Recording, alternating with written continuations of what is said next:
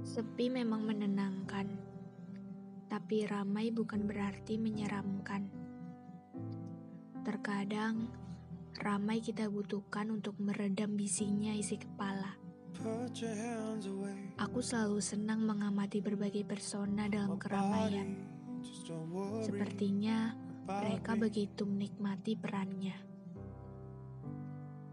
Dalam keramaian, aku menjumpai banyak tawa dari berbagai persona, dan aku selalu senang melihatnya.